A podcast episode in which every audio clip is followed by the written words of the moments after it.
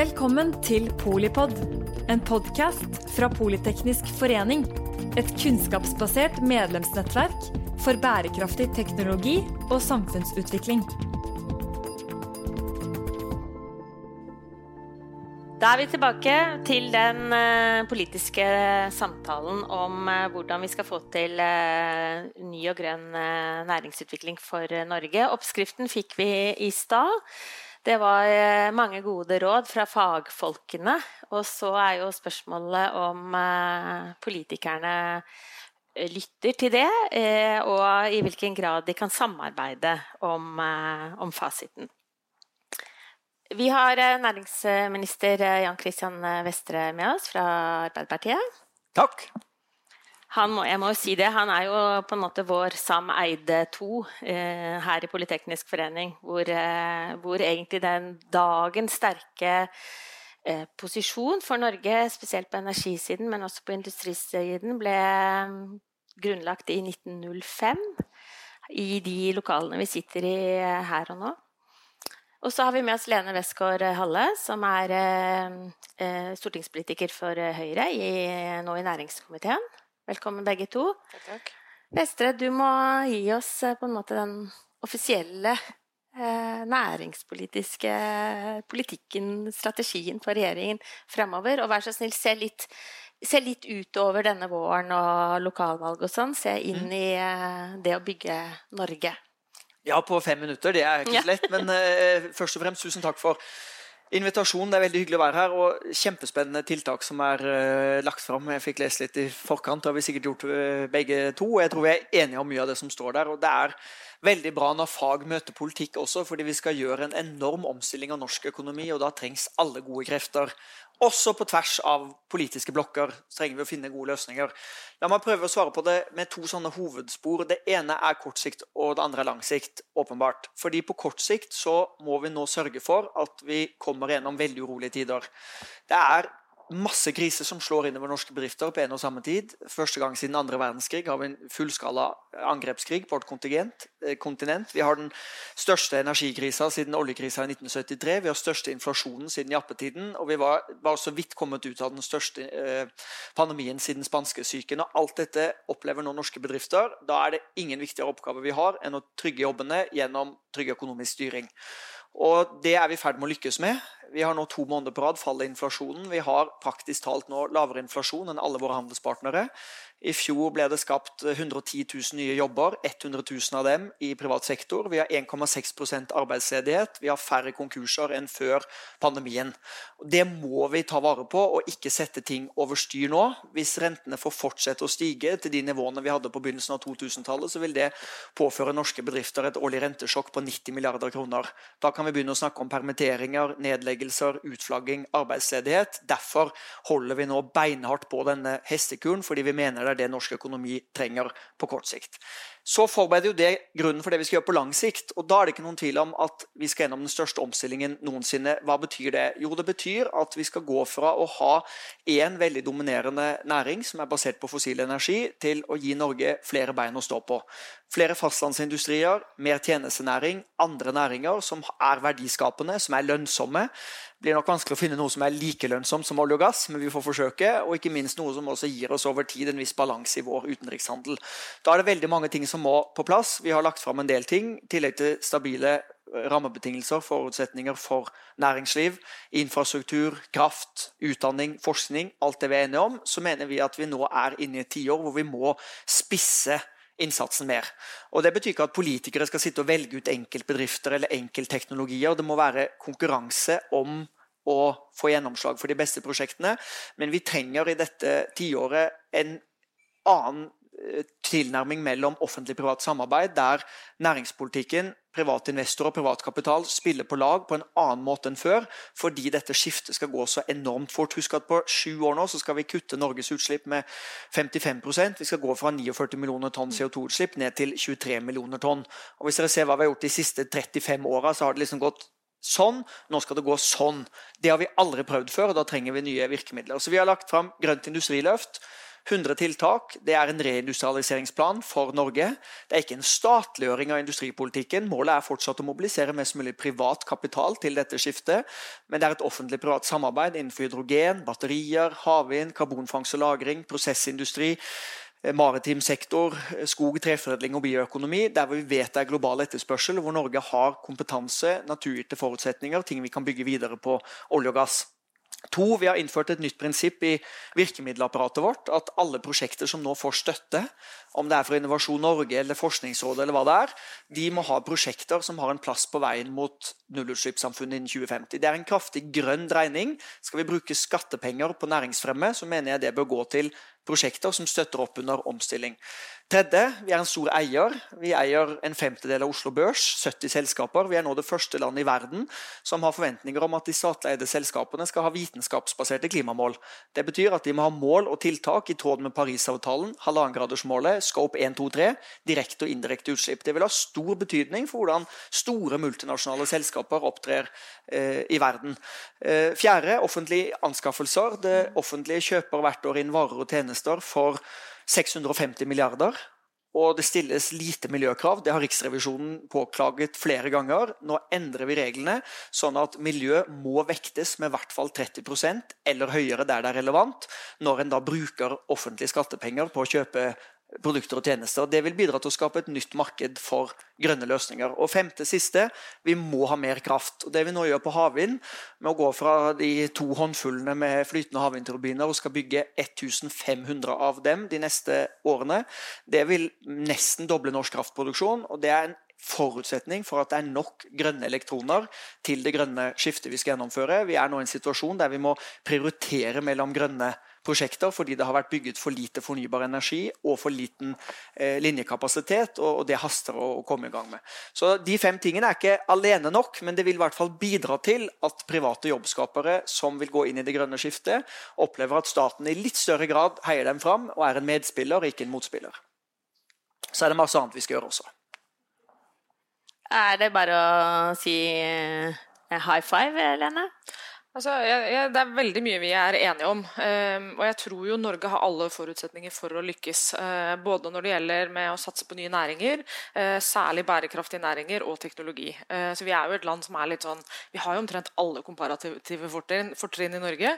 så det er et veldig godt utgangspunkt. Vi har fått veldig mange gode råd, råd i dag. Um, og veldig mye av det var veldig, var veldig kjent. Um, så det var veldig positivt, og de kommer jeg til å ta med meg jeg tror det vi er mest enige om, er litt sånn veien hvor vi skal på lang sikt. Og Der tror jeg ikke Høyre og Arbeiderpartiet skiller seg sånn veldig mye. Vi har litt sånn de, de samme målene, og så har vi kanskje en litt, sånn, litt annen tilnærming til hvordan vi skal gjøre noen ting.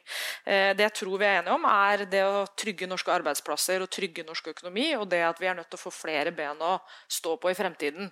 Vi er jo en oljenasjon, eh, og det har jo tjent oss vel i veldig mange år. Det skal vi være i noen år til, men vi er nødt til å bruke både den kompetansen og den kapitalen over i nye næringer. Og Der tror jeg vi er enige.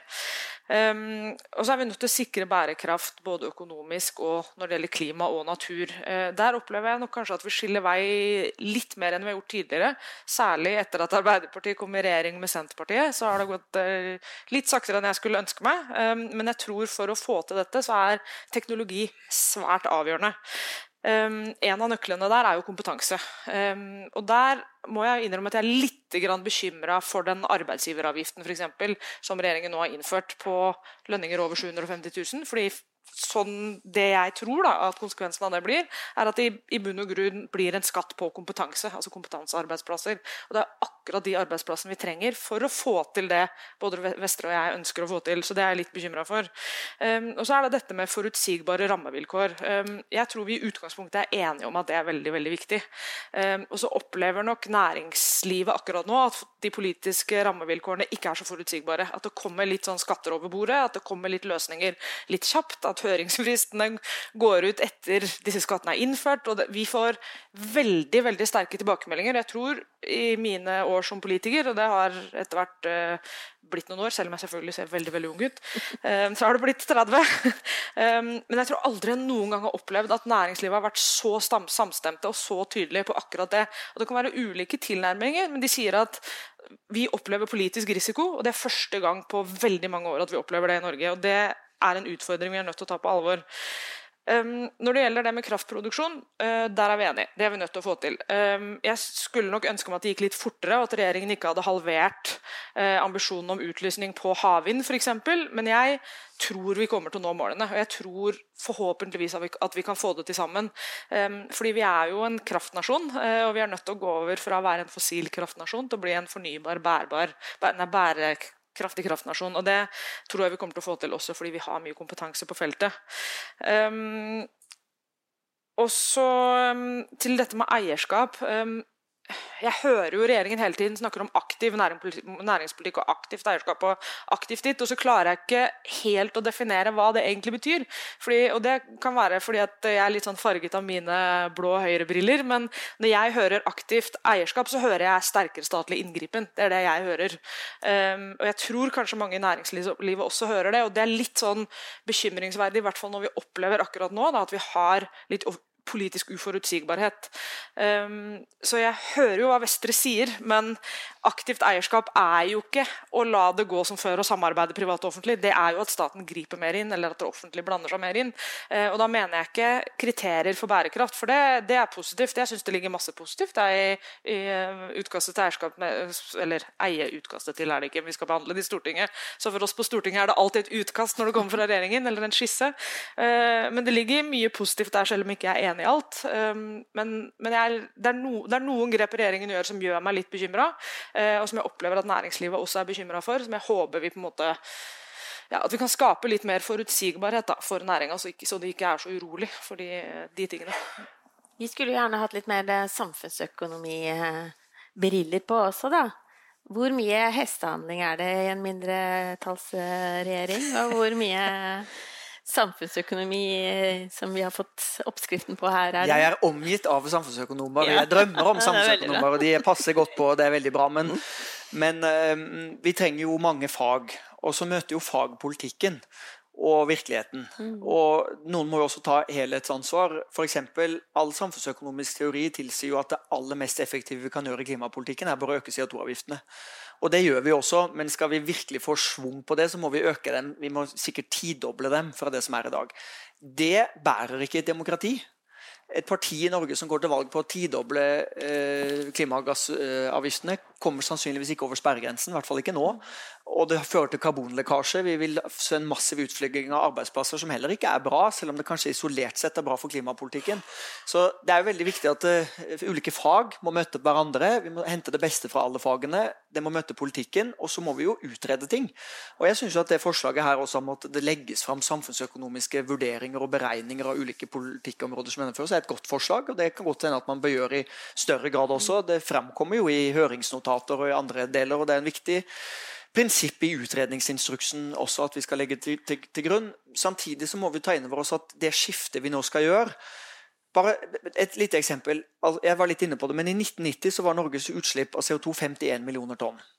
I 2021 var det 49 millioner. Vi har altså brukt 32 år på å kutte 2 millioner tonn eller 4% av de 55 vi skal kutte fram til 2030. Det var vel også et koronaår? Ja da, det var det også, for så vidt. Så sannsynligvis er det enda en større jobb som skal gjøres. Så nå har vi da altså sju år igjen på å kutte de resterende 51 prosentene. Med mindre vi er villige til å jobbe på tvers, finne ny politikk, nye virkemidler, nye verktøy, utfordre hverandre, så kommer vi aldri til å få det til. For vi har track recorden bak oss. Vi ser at eksisterende politikk og løsninger har ikke vært nok. Da må vi lete etter nye ting. Det vi nå f.eks. gjør på klimapartnerskapene, der vi inviterer til samarbeid mellom bransjer, næringer, bruker trepartssamarbeidet, regjeringen og statlige myndigheter. Nå går vi etter sektor for sektor der utslippspotensialet er størst, sammen med næringslivet. Ikke gjennom pekefinninger og pålegg og 'du skal gjøre sånn' og 'du skal gjøre sånn', men gjennom partnerskap. Da dette jeg prøvde å si i stad med denne moderne private public. Vi jobber sammen for å løse 20-tallets 20 utfordringer. Det Lene, er aktiv næringspolitikk. Og det opplever jeg at bedriftene og næringslivet vil ha. Partene vil ha det, og vi er veldig godt i gang med det. Og Så er det noen lyspunkter også. Vi er den første regjeringen som la fram Grønn bok sammen med Gul bok. Gul bok er jo nasjonalbudsjettet, statsbudsjettet, og Grønn bok er klimabudsjettet. og Der viser vi jo nå, sammen med statsbudsjettene, effektene av allerede implementert klimapolitikk og identifiserte tiltak. og Den viser jo at vi rykker stadig nærmere det 2030-målet, men at det fortsatt er en del ting eh, som må til. Og Det å tenke statsbudsjett sammen med klimabudsjett det vil også samfunnsøkonomisk gjøre det lettere å finne fram til de mest kostnadseffektive tiltakene som raskest og billigst tar oss til det nullutslippssamfunnet vi er enige om at vi skal komme til. I næringslivet så ville vi jo fusjonert to sånne gode styringsorganisasjoner som Høyre og Arbeiderpartiet. Hva, dere, hva, hva, er vyene deres for uh, å få til uh, det som virkelig må til? Altså klima, ja, men det er jo også, Altså, Vi skal opp på eksportinntektene, vi skal ta del i gjenoppbyggingen av Europa. Det er, det er jo relativt store oppgaver, og så er det relativt små partier. Hvordan eh, er det mulig å se for seg en eh, ny allianse? Jeg, jeg, tror ikke det. Ehm, jeg tror, for å være helt ærlig, da, for en som kanskje jeg, jeg er vel ikke akkurat mørkeblå i dag, som er kanskje litt lysere blå, så tror jeg det er viktig å ha partier som Arbeiderpartiet og Høyre i regjering. For vi er styringspartier. Vi er opptatt f.eks. samfunnsøkonomiske modeller, eh, gjøre gode beregninger. Det er i politikken den derre altså Det er jo dette som, man, som er sagt, at man ikke vil vite hvordan pølser og politikk blir laget. og jeg må innrømme at Når man sitter i en mindretallsregjering og det er forhandlinger fem på tolv, så kommer det en del ting som nok jeg gjerne skulle ønske hadde blitt utreda bedre. og For meg så er Høyre og Arbeiderpartiet litt like der. Da. Altså, vi er veldig ansvarlige. Noen vil kanskje si kjedelige eller grå. Um, men vi sørger i hvert fall for at det blir litt sånn, det blir mindre ustabilitet i politikken.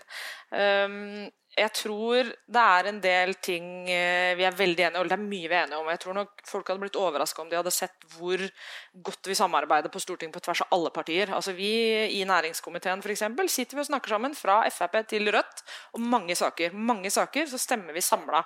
Så vi er nok bedre venner og samarbeider med, mer for å sørge for en god og stabil politikk enn det folk egentlig er klar over. Men så er det noen ting vi er uenige om, eh, og det kommer vi nok til å fortsette å være. Eh, selv om det har vært en stor koalisjon i Tyskland, hvor eh, mm. det klassiske Høyre- og Arbeiderpartiet-partiene har samarbeida, så ser vi jo samtidig at da vokser det noen av fløypartiene, og det er ikke sikkert det er ønskelig heller, at det kan bli mer polarisering, at vi kan bidra til å dempe den når vi er på, på hver vår side av skalaen. Så det er fordeler og ulemper med, med begge deler. Men jeg tror jo også at når vi snakker om dette med å ha samfunnsøkonomi inn i politikken for å sørge for stabilitet og forutsigbarhet og ansvarlighet, så er det noen ting i politikken handler ikke bare om økonomi og samfunnsøkonomiske modeller, det handler også om verdivalg. Eh, og de kan du på en måte ikke måle i kroner og øre. Eh, og Høyre og Arbeiderpartiet har noen ulike verdier. Altså, vi har litt ganske ulik historie eh, og har en en ja, ganske ulik tilnærming til noen ting. Um, når det gjelder klima, så tror jeg vi har ganske lik tilnærming til akkurat det fagområdet. Der samarbeider vi også godt. Vi så jo også under korona, så satte vi oss jo ned helt på tvers av alle partier og prøvde å komme frem til de løsningene som er best for landet. Og det opplever jeg jo at vi oftere gjør enn media liker å skrive om. For de liker å skrive om konfliktene, og så skriver de ikke om de gangene vi faktisk setter oss ned og samarbeider, da, som vi jo gjør ofte. Selv om jeg akkurat nå skulle ønske det var oftere. vi har et uh, nytt studentnettverk som har fått uh, kjempeentusiastiske folk med seg. Det er de skarpeste og mest engasjerte folkene i 20-åra. Tidlig 20-åra. Uh, de er ikke så um, politisk engasjert, men de er veldig politekniske.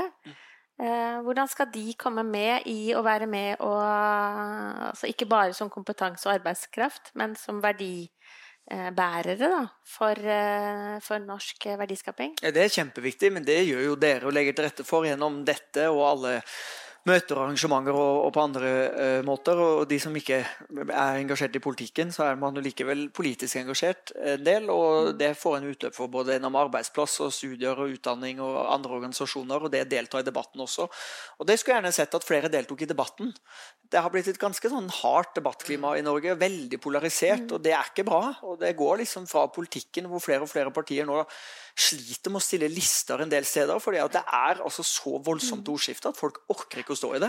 Og da kan man jo bare tenke seg for de som ikke er yrkespolitikere og har dette som jobb, og vi får betalt for å snakke og holde på med det vi elsker. Og bli kjefta på. Men, ja, ja, jo, ja, nettopp. En sånn omvendt sånn bonusordning, det der. Men, men, men, da kan man jo tenke seg, også for næringslivsledere eller, mm. eller andre eksperter på sitt fagområde, å stå fram. Så en rausere debattkultur i Norge, det tror jeg vi skal jobbe for alle sammen. fordi forutsetningen for at vi skal lykkes med dette skiftet, er jo som for alle de andre skiftene, at vi har et velfungerende demokrati. Og der er det jo ungdom og unge mennesker er jo litt nøkkelen. For det er dette er kanskje litt skummelt å si, men jeg opplever jo at yngre egentlig har en mildere debattform. og at jo, Det er jo selvfølgelig unntak til den regelen, eh, men det er veldig mange godt voksne jeg ser det bare sånn i min egen familie, som har en veldig aggressiv tone, kanskje særlig i sosiale medier. da, eh, Og er veldig bastante og veldig skråstikker og bruker et språk som jeg tror skremmer mange unge mennesker vekk fra debatten. Da, fordi de føler seg litt sånn fremmedgjort. Den, den, aggressive og litt sånn hatske tonen man ser i debatten, gjør at og Det merker jeg på øh, yngre venner og omgangskrets, og yngre søsken også, som sier det at nei, hvorfor skal jeg være på den arenaen? Bruker ikke Facebook. Der er det jo bare folk som skriver sinna ting med capslock.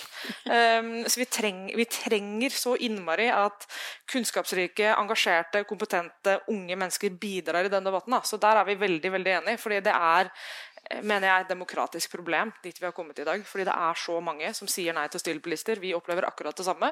Og de sier hvorfor skal jeg gidde å være lokalpolitiker? Jeg får bare kjeft. Dårlig betalt for du òg.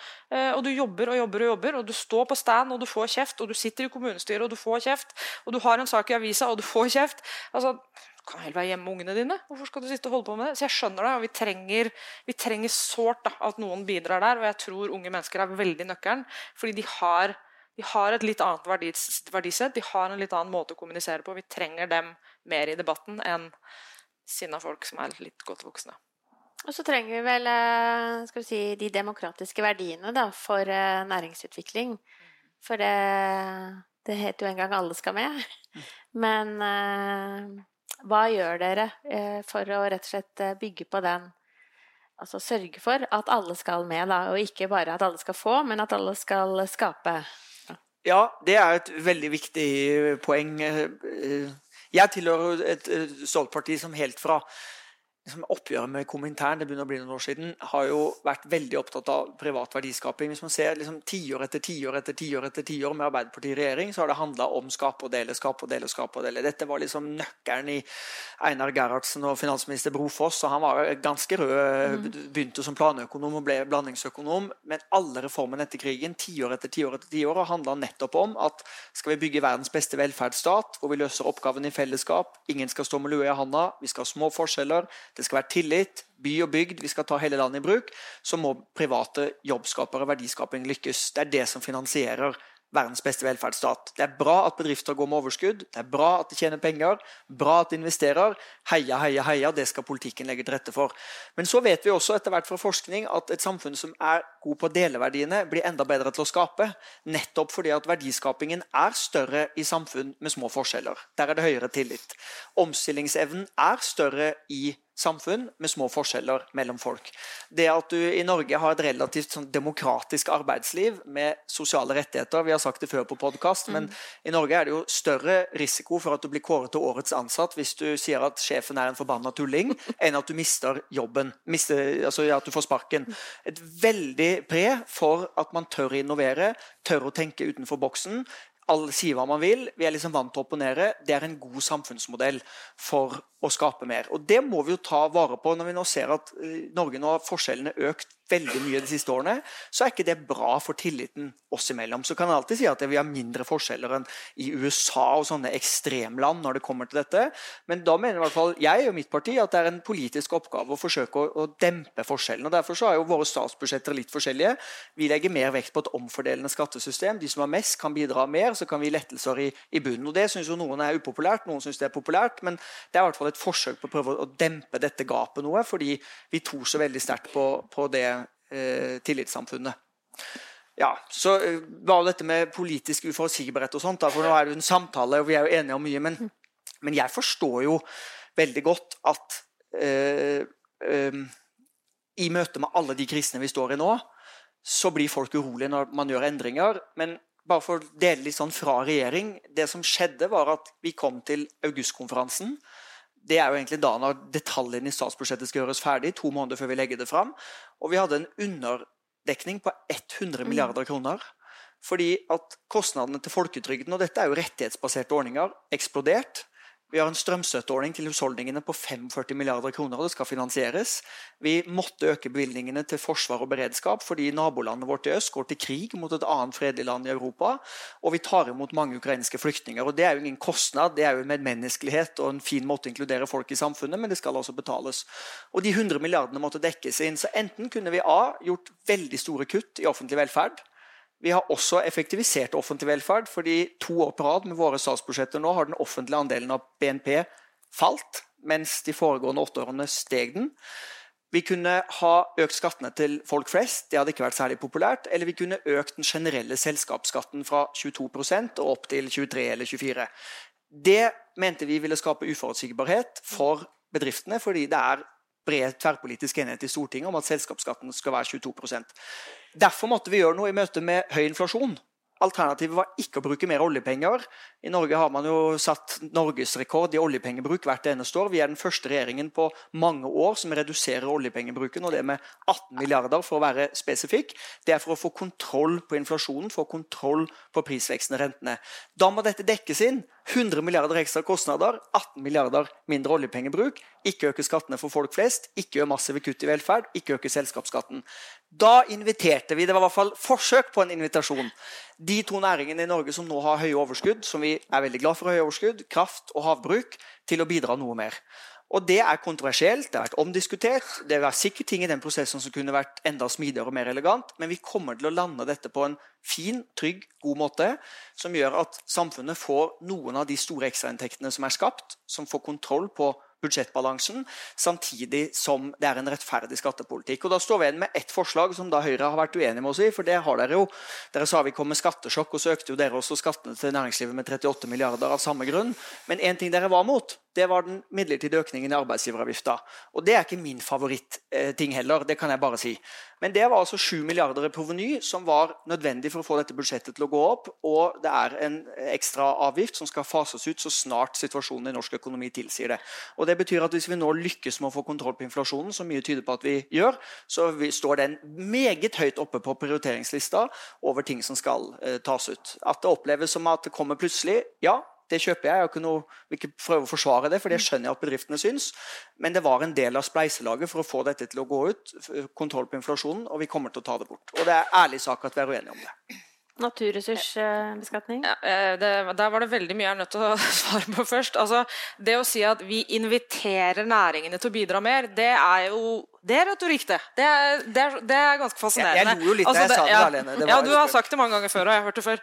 Um, men altså, invitere næringen til å bidra mer. altså Når du sier at vi, her får dere tidenes skattesjokk. Uh, vi innfører det før dere får lov til å komme med høringssvar. Det er altså å invitere til å bidra mer. Jeg syns, jeg, ville, jeg ville ikke valgt de ordene. for å si Det sånn. Det tror jeg kanskje ikke heller næringen ville. Um, og det er ikke riktig at dere er den første regjeringen som demper oljepengebruken. Så det må du slutte å si. Jeg har også hørt at du har sagt det før. Dette med skape før dele. Um, jeg syns det er et veldig fint slagord. Jeg synes det var veldig fint da dere fulgte den linja. Jeg opplever at dere avviker noe fra den akkurat nå. Og at skapet er byttet ut med skatte. Og at, at, det er det som skaper den uforutsigbarheten. Da. Um, fordi um, altså, eh, I vårt alternative statsbudsjett så har vi eh, et helt annet skatteopplegg enn det dere har. Så det er ikke riktig at det er det samme. Um, og jeg må innrømme at jeg blir litt sånn Eh, altså Det er jo en grunn til at dere fikk de reaksjonene dere gjorde da dere la ut dette bildet på Facebook om at nå skal vi ha respekt for næringslivet. og nærings livet tente på alle plugger, det er fordi de ikke opplever at dere gjør det. De opplever ikke at Arbeiderpartiet er skape før dele lenger. Dere var, men dere er ikke det nå. Um, og nå er det litt sånn, altså Fokuset ligger på å skatte, og det ligger på å dele, og så har man ikke det sterke skapefokuset. Jeg tror og håper dette er midlertidig, for jeg er enig med deg at Arbeiderpartiet i utgangspunktet har vært fokusert på det, og jeg håper dere på en måte kommer tilbake til det igjen. Um, og vi er veldig interessert i å, å finne løsninger sammen med dere på på det. Eh, og så er jeg veldig enig i det du sier med eh, høy tillit. Det tror jeg er en av de aller viktigste elementene for at det norske samfunnet er så godt som det er. Eh, det er det for så vidt i resten av Skandinavia også, men det er, det er utrolig viktig. Eh, jeg er også enig i at forskjellene bør være små, eh, og det er viktig at vi legger opp til det, vi politikere. Fordi når du har små forskjeller, så får du også mindre konflikter. Og det er en viktig forutsetning for å, for å lykkes. Eh, og så håper jeg, da, når vi går fremover nå, at skal dere gjøre store, plutselige skatteendringer, eh, så ta med næringene. Ha dialog med næringene ute. Eh, ikke ha høringsfrist etter dere har innført skatten. Det skaper ganske mye uro. Sørg for at vi får dempa den politiske risikoen som nå er skapt, og at vi igjen kommer tilbake til det forutsigbare, litt sånn trygge måten å drive politikk på i Norge. Da. Vi er nok enige om det, og så skal vi ikke starte en helt ny grunnrenteskattedebatt. fordi det er vel en av de få skattene i Norge som er mest utredet av to offentlige utvalg. Den var gjennomutredet av din regjering da vi kom, så vi har egentlig bygget på utredningen som ble gjort derifra. Og så har det vært en reell høring, demokratisk åpent, og noen justeringer og tilpassinger kanskje. Det vet jeg ikke, det er finansministerens eh, bord, men jeg føler meg veldig trygg på at vi kommer til å lande dette trygt, ordentlig og godt, sånn at det fremdeles kommer til å være veldig høye investeringer i den næringen, enda mer bærekraftig, setter stadig nye eksportrekorder, og det bør vi glede oss over eh, begge to. Og så er det nå alltid sånn at i møte med kriser så må alle land se over sitt spleiselag og få dette til å gå opp. og Et av våre aller viktigste mål er trygge norske arbeidsplasser. og Da må vi få kontroll på inflasjonen. Det er vi i ferd med å lykkes med, bl.a. fordi vi gjennomfører denne hestekuren. Vi har satt masse av våre egne valgløfter på vent, det er heller ikke særlig populært, men vi gjør altså det fordi at det norsk politikk ikke trenger nå, er kortsiktighet, populistiske løsninger løsninger og hopp og sprett og tjo og hei. Nå må vi holde fast på det som er de langsiktige økonomiske målene. og Kanskje det er det som er litt grått og trist, som du sa, men du verden, eh, det kommer til å lønne seg for landet vårt at vi holder fast på de viktige prinsippene. Tusen takk, eh, Jan Christian Vestre, Norges eh, næringsminister. Tusen takk, Lene Westgård-Halle, næringskomiteen på Stortinget for Høyre. Du skal jo eh, minst fem steder til eh, rundt omkring i næringslivet. Ja, veldig aktiv leder, skjønner du. Ja, og du skal sikkert eh, det samme. Så tusen takk også til deg som ser på. Det er Politeknisk forening, og jeg er da ikke Eva Grinde som annonsert, men jeg er Mette Vågnes Eriksen, generalsekretær her i Politeknisk forening, og tenker at når du får eh, podkasten Polipod på øret, så er det i godt selskap med 110 000 andre. Det må jeg bare få skryte litt av eh, her på tampen. Tusen takk. Takk for at du lyttet til Polipod fra Politeknisk forening. Få med deg flere episoder, eller bli med på nettverksmøtene som du finner på at polyteknisk.